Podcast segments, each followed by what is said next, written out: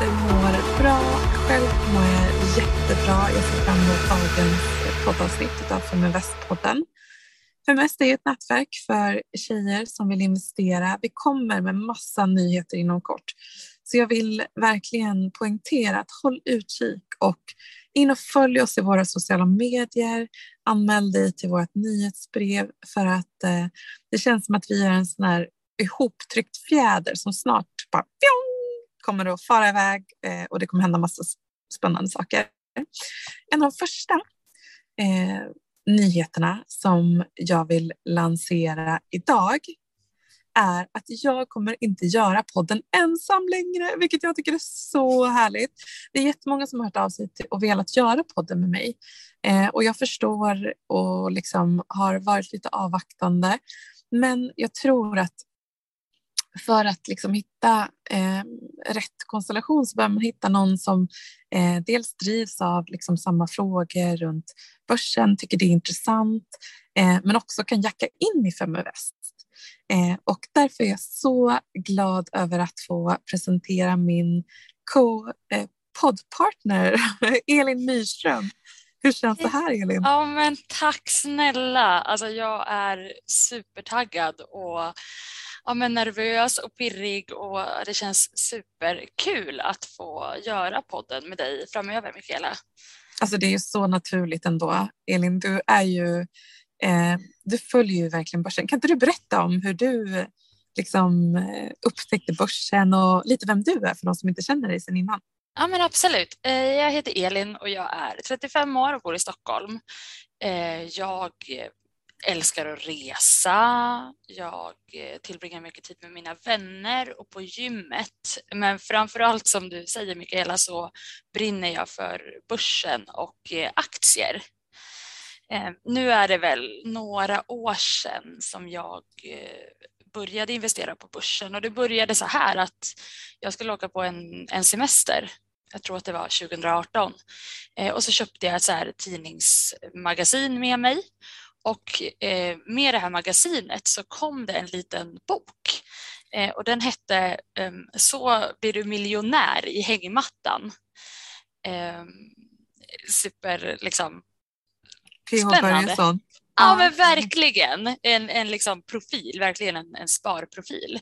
Så att när jag var där på min semester och låg i hängmattan så läste jag den här eh, och då förstod jag liksom hur, hur börsen funkar. Eh, jag förstod den här då ränta på ränta, liksom hur kapitalet växer snabbare och snabbare som en snöboll. Eh, och vid den här tiden så hade jag en, ett litet sparande men som, som många andra personer så hade jag det på liksom, sparkontot på banken. Eh, men det var då jag började liksom, investera på börsen i, i liksom, aktier och, och fonder. Mm. Eh, så det var så det började. Kommer du ihåg vad det var de första liksom, aktierna eller fonderna du köpte? Eh, ja, eh, en av de första aktierna jag köpte var Cloetta. och jag har alltid liksom känt att jag har velat ja, men aktierna jag investerar i ska vara någonting som jag förstår eller liksom någonting som jag själv använder och, och jag gillar godis så att det, var, det var naturligt. Sen så eh, en aktie som jag fortfarande har kvar idag eh, det är Investor. Den hänger med mig och jag gissar att den kommer hänga med mig för lång tid framöver.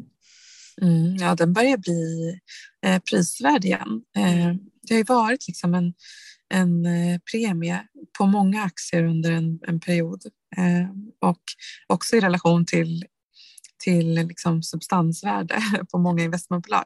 Ja, Men nu verkligen. börjar det bli mer och mer rabatter så det är också spännande. Mm, verkligen.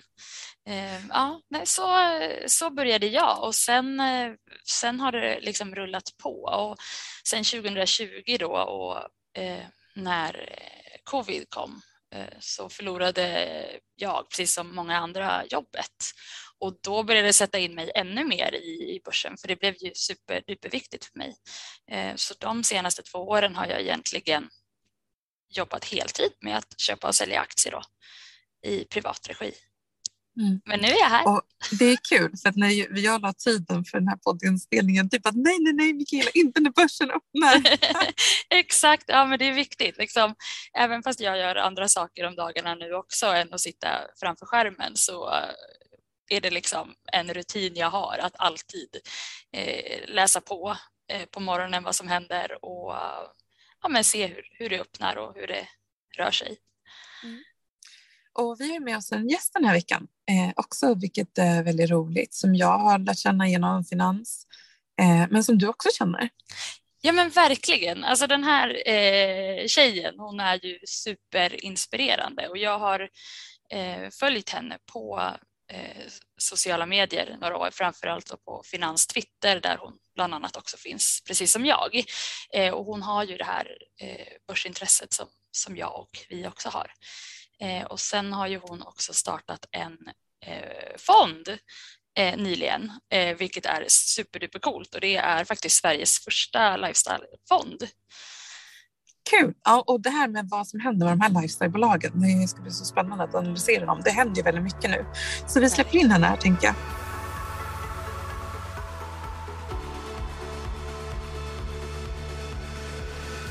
Då säger vi varmt välkommen till Therese Nyrén. Hej, hej, vad roligt att vara här. Ja, alltså Therese Nyrén heter jag och är fondförvaltare och grundare av Lucy Global Fund. Jag startade fonden förra året i juli, så den är relativt ny. Men det känns fantastiskt roligt att vara fondförvaltare och såklart inbjuden till podden. Hur har du tänkt runt att eh, ta, ta fram den här fonden? För jag menar, när man tar fram, det är inte bara att ta fram en fond, utan man måste ju ha någonting eh, unikt i en ganska crowded market. Det finns så mycket fonder där ute. Ja, precis. Jag kan ju dra, dra lite kort bara. Eh, det var nämligen så att jag eh, har jobbat inom finans i ganska många år och tyckte att det är ganska mycket fokus på, på industri och teknik och jag började titta på bolag som jag själv eh, skulle vilja investera i. Och jag tog fram 27 bolag eh, och började titta på dem. Ehm, och såg, eh, ja, jag följde dem egentligen sedan 2006 och gick tillbaka för att se hur de hade betett sig. Så jag har mm, en väldigt lång historik på, på de här bolagen och såg att de hade levererat ganska bra. Så att, eh, det är bolag som jag känner mig komfortabla med och eh, det är inte så att jag bara liksom slängt ihop en portfölj utan jag har en grund helt enkelt. Och sen så förvaltar jag utifrån olika teman och jag har lagt till eh, några innehav sedan jag startade fonden, men eh, jag tyckte inte att det fanns någon sån fond ute på marknaden. Eh, och eh, för mig är det väldigt viktigt att man investerar i sånt som man tycker är roligt, men också att man förstår eh, det man investerar i. Det låter jättespännande. Vill du nämna några av bolagen som du har? Ja, precis. Ehm, jag ska säga, jag har allt ifrån lyxbolag egentligen. Ett bolag som jag har investerat i, Caring, som jag tänkte gå in lite mer på sen. Mm. Men Caring har bland annat eh, Gucci, Yves Saint Laurent, eh, Bottega Veneta. Jag har också investerat i Hermes till exempel. Men jag ser också till att jag har en ganska bra spridning över eh, om man tittar utifrån inflationen nu så är det klart att lyxkonsumtionen kommer ja, minska. Men jag ser till att eh, jag egentligen har ganska många varumärken i portföljen som gör att eh, prisbilden varierar. Allt från lyx då även ner till lite mer ska säga, vardagliga eh, märken. Och det är ett sätt för mig då att vara med i hela kedjan eh, när man tänker utifrån ett konsumentperspektiv. Jag har investerat i Nike, bland annat eh, Adidas, eh, några svenska bolag, eh, Lyko, Revolution Race och så där. Så eh, jag försöker att eh, se till att få en bra kombination utifrån ett inflationsperspektiv i portföljen. Om man tittar på inflationen då rent liksom konkret, jag menar nu har vi den amerikanska centralbanken som dubbelhöjde 0,5 eh, med anledning av att man verkligen vill stävja inflationen och ser det som ett reellt problem som ska liksom åtgärdas på väldigt kort tid nu. Så man har ju vänt lite där och det här kommer ju påverka Sverige. Vi har ju liksom en en försiktig upptrappning i Sverige likaså.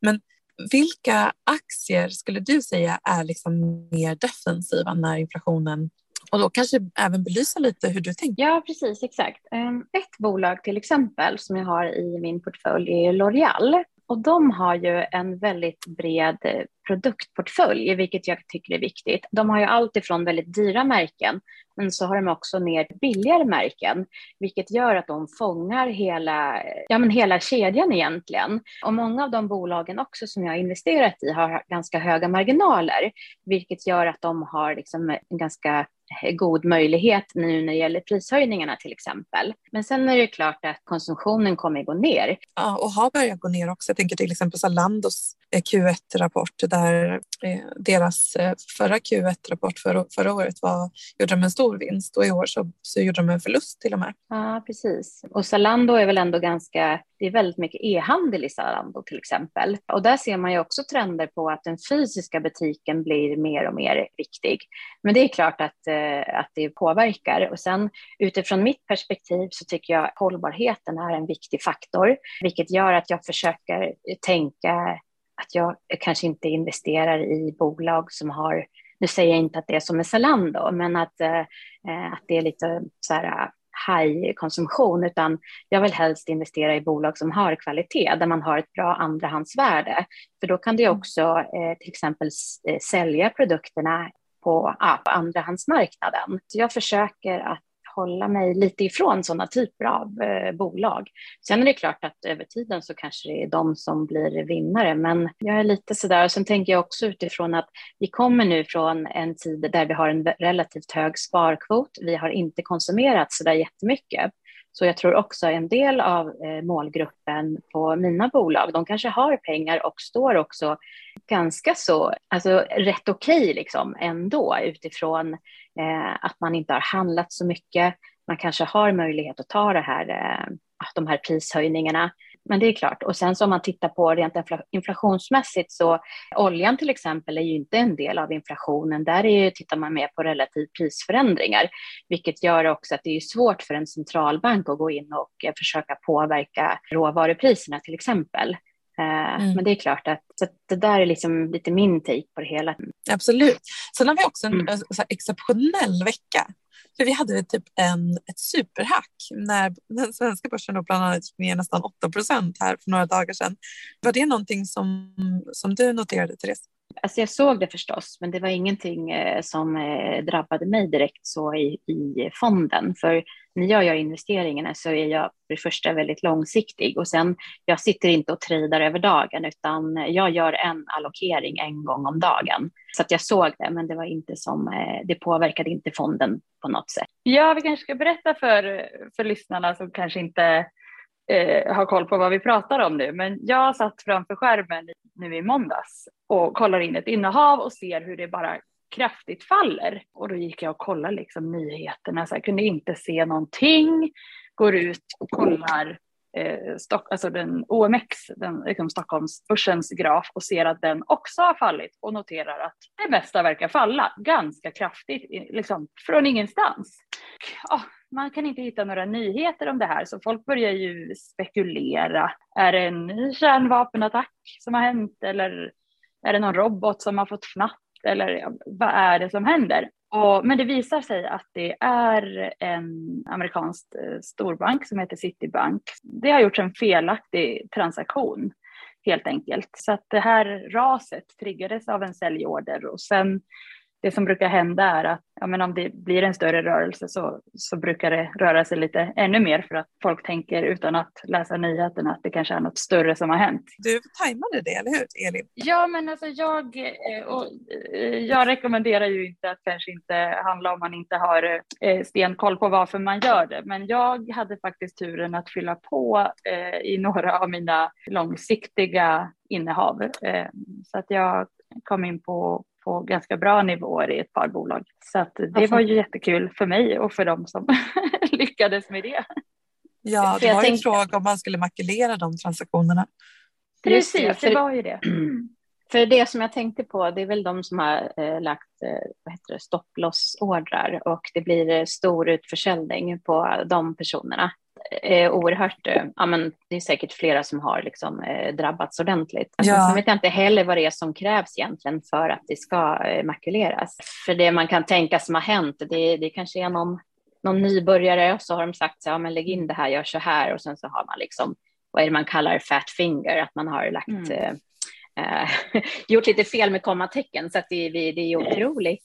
Det, det kan ju hända, det är lite läskigt tycker jag. Eh, men å andra sidan är det ganska snabba volymer och det, man kanske måste lägga in eh, positionen snabbt och då så gör man fel och så kanske man är ny Ja. eh, och så blir det bara helt fel. Så det skulle vara intressant att veta egentligen exakt vad det var som hände. Det säger ju också någonting om oron i marknaden. Att det med en gång liksom, tittar man på liksom, vad som händer i Ukraina och kriget där och tänker nu har det bränt av en kärnvapen. Mm.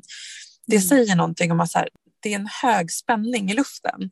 För i ett normalfall så hade man inte alls kanske tänkt på det som första alternativ. Nej, precis. Nej, men så är det ju. Så det är ju väldigt, en väldigt volatil marknad och det märker man ju hur, hur det går ner väldigt mycket. Hur, eh, det är ganska lite volymer ändå i marknaden skulle jag säga.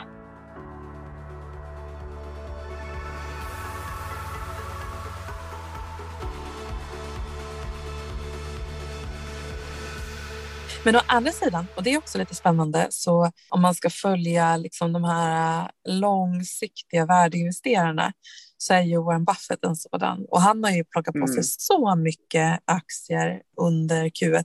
Man måste gå Mm. tillbaka till 2008 för att se att han har köpt lika mycket.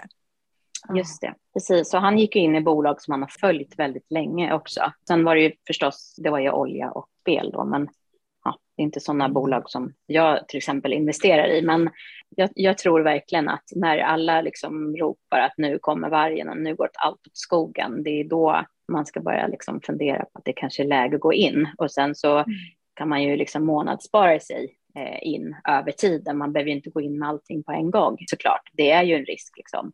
Men har vi också Mm. nu en hög inflation så äter det upp eh, våra sparkonton. Och tittar man historiskt över tiden så är det ju, är det ju bra att investera på aktiemarknaden. Men man ska förstås ha en ordentlig eh, liksom, buffert så att man sover gott på natten och inte tar för Mm. höga risker. Och jättebra Ja. att du poängterar det här med månadssparandet också. Det är ju verkligen superviktigt. Ja, men tid. verkligen. Ja, precis. Och sen tror jag också så här, nu är vi så globala så informationen färdas så himla fort och folk tar många gånger kanske inte så där jätterationella beslut att det blir att många går på känsla. Sen så tittar man också på, ja men småspararna tycker jag blir storsparare, så tillsammans när alla börjar liksom sälja av, då blir det ju stora eh, liksom effekter på marknaden. Och det där kanske man inte tänker på, men det blir ju så om alla småsparare säljer så, så går det ju ner och ingen går in och köper.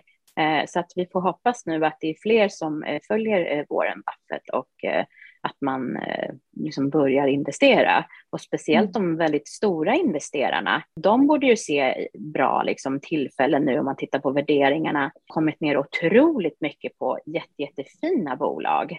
Bara Amazon och Tesla, Nvidia, de här de stora bolagen som har varit väldigt populära bland investerare har ju de har kommit ner över 20 procent sedan toppen i november, december och likaså Nasdaqs, liksom det tekniktunga indexet på den amerikanska marknaden har ju Mm. nä, ja, men nästan halverats. Vi ser i Sverige att vi har, vi har ju också drabbats väldigt mycket och speciellt liksom tillväxtbolag. Bankerna har ju tvärtom har ju fortsatt uppåt. Så. Spännande att se i den här inflationsförändringen eh, så för det med sig att det är en helt ny marknad mot vad det har varit på många, många år.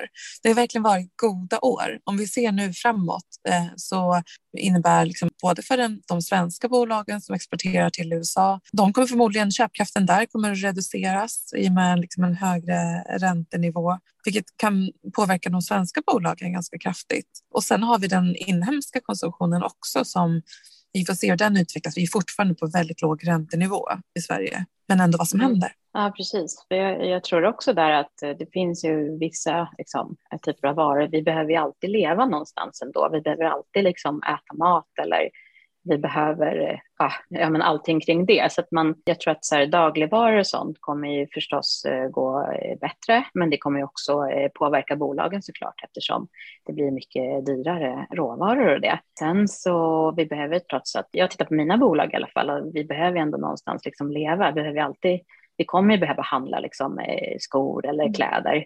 Sen kanske man inte lägger lika mycket. Och det, sen är det också så här frågan, och den här diskussionen har ju varit, också varit uppe på Twitter kring hur, eh, vad, liksom, vad är det man sparar liksom, direkt mest på? Är det de här små abonnemangen? Hur kommer det gå för, om man tittar på Netflix till exempel, de har ju tappat oerhört mycket. Det är ju många som har avslutat sina abonnemang. Så ja, det här är min personliga åsikt, men jag tror så här, många av de här digitala affärsmodellerna kommer tappa nu för att jag har inga liksom, fysiska värden. Eh, det är, liksom, mm. det är svårt. Hur, eh, hur många abonnemang ska man ha när man tittar på tv? Och tittar man på Youtube, jag menar, du har ju väldigt mycket som är gratis också, så jag tror att det kommer bli mm. liksom, tufft framöver. Jag tror mm. att det mm. kommer drabba det digitala mer än det fysiska. Vad tänker du om det, Elin? Eh, vad tänker du om det? Kommer det drabba det digitala mer? Ja, alltså grejen är det att jag tänker ju på att under pandemin när man hade mer tid och kunna vara hemma och som du säger Therese, man köper på sig massa olika abonnemang och, och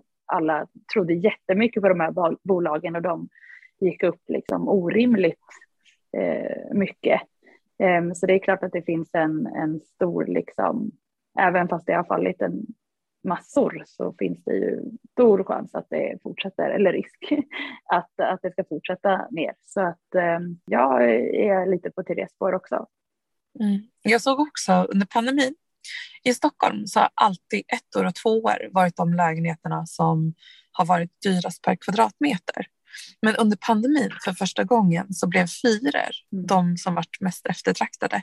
Och det är väl eh, det är väldigt intressant. Det säger någonting om hur vi satsade annorlunda under pandemin, men kanske också man har gjort en bostadskarriär och köpt och sålt och levt och så har man lite extra pengar så man kan hade råd till det också. Eller man kanske flyttade ut från ett hus in till stan eller så. Men... Väldigt intressant att se hur, hur det kommer funka nu om, om räntorna fortsätter uppåt också, vad, vad det kommer leda till. Mm. Precis, och det är ju klart att det kommer eh, påverka vad heter det, bostadsmarknaden såklart. Det har det ju mm. redan gjort och så där. Men Ehm, jag tänkte bara på en sak, just det här med um, räntorna och diskussioner kring kort, alltså hur man ska, om man ska binda eller inte. Men det, det vi kan påverka också, det är ju att se till att ha en bra så här, ränterabatt när man pratar med banken. Då får vi inte glömma att även fast räntorna går upp så ska vi ändå se till att det är liksom förhandlingsbart. Och sen är ju frågan så här, i, historiskt sett så har det alltid varit bra att ha, inte, inte binda räntorna utan att de ska vara rörliga räntor. Eh, men då gäller det också att man har liksom, en, en bra ekonomisk eh, möjlighet till det. För det finns ju också tillfällen där eh, tidigare där de gick, upp, de gick ut och höjde räntorna ganska mycket, ganska fort. Många band på lite högre nivåer och sen så fick man ner inflationen och då så sänkte man räntan. Då satt man där med lite högre. Eh, så det kan ju också bli ett sådant scenario. Så man kan ju välja att ha både rörligt och eh, ja, eh, bundna räntor, att man delar upp det. Mm. Jag ehm, har i och för sig hört att det är där bankerna gör sin bästa affär. Alltså att man inte ska försöka mixa så mycket. Ehm, för att de att man kanske inte får lika fördelaktiga nivåer då på respektive mm. upplåsning. Men jag vet inte det själv, men det är någonting som jag alltså Det där är precis, men det kan ju vara ett sätt att sprida riskerna att man har det. Sen att man skulle ha ett sämre förhandlingsläge för att man vill ha rörliga eller liksom bundna, det jag vet inte. Jag har jobbat på eh, bank i 14 år, men jag vet att det kan ju ändras. Men jag skulle väldigt svårt att tro att det skulle liksom bli ett, ett argument. Och sen får man ju också tänka på om man binder räntorna så Eh, har det ju, eh, då kanske det måste liksom, eh, lösa och få betala ränteskillnadsersättning om du bestämmer dig för att flytta. Så ja, det är det också en faktor. Men det, precis, det kan bli jättedyrt, men det kan också ja. vara så att du bara byter säkerhet på lånen till exempel. Men jag tror också att det, Finansinspektionen håller på att titta på det där, att man ska ha möjlighet att göra det så att man inte liksom binder fast folk så. Mm. Men, men ändå bra ja. poäng där, mm. som du sa Therese, att, att man ser till att ändå Eh, ja, men träffa sin bankkvinna eller bankman och verkligen ta diskussioner och se vad man kan göra istället för att bara liksom låta det vara. Att man Exakt, man ska liksom mm. vara rätt, jag menar det är en ganska hög konkurrens idag mellan bankerna. Mm. Så att, uh, mm. Jag tänkte bara på en annan reflektion om man tittar så här på indexfonder. Det finns inte jättemycket finans i indexfonderna. Det är en sån här sak som pratas inte så mycket om. Jag tänker nu när bankerna kanske framöver kommer gå ganska bra, att man har mm. det i, liksom, i åtanke. Finans är inte en jättestor del av de stora indexerna. Så, det är ju helt enkelt mm. för att de inte är de största, de största bolagen. Nej, Nej precis. Eh, men det är, det är en bra reflektion. Mm. Ja, exakt. Eh, en annan sak som jag funderar på, har du några serieförvärvare i din eh, portfölj, Therese? Eh, ja, det har jag. Jag har um, Swedencare. De förvärvar i bolag inom husdjursområdet. Sen har jag Humble Group om man tittar på foodtech-branschen. Humble, ja, det är de här första tandborstarna bland annat som var i bambu. Och de har också, jag vet inte om ni såg Draknästet, Sara som har vad heter det, Wellibites, det här nyttiga godiset köpte de ju upp. Ja. Så att, ja, de är en serieförvärvare och ja, de köper på ganska mycket bolag. Men mm. Så du köper lite mindre bolag just nu? Precis, som... exakt. Ja. Men eh, de har ju eh, tappat eh, rätt mycket. Det tror jag är också en trend bland de här förvärvsbolagen. Mm. Exakt. Så är det, för det är det som är intressant. Mm. För de har ju också surfat på den här liksom, perfect storm-perioden som har varit. Det har varit mm. lätt mm. tillgång till pengar, det har funnits mycket pengar och räntan har varit låg. De har kunnat vara ganska aggressiva i sina expansionsplaner. Eh, och såna ser, vi brukar ha ett ord med i varje podd som vi liksom förklarar lite och den här veckan så är det faktiskt serieförvärvare. Och då är det eh, det som, man, som kännetecknar de här, eller compounders som de också kan eh, kallas för, det är ju att de förvärvar flera bolag och har det som en del av sin liksom, strategi. Eh, de har ofta tittat på bolag som de kan tjäna synergier på så att de till exempel, det skulle kunna vara att man kan använda samma centralfunktion av liksom finans, eh, marknad och så vidare. Det stämmer inte alltid men det är liksom en, en typ av faktor som är viktig när de förvärvar. Eh, men det ska också kunna vara att de ska kunna kanske liksom expandera marknaden, komplettera produktutbud eller vad det nu kan vara, etablera sig som en, som en eh, aktör som Eh, liksom äger ett visst, eh, en viss industri eller område.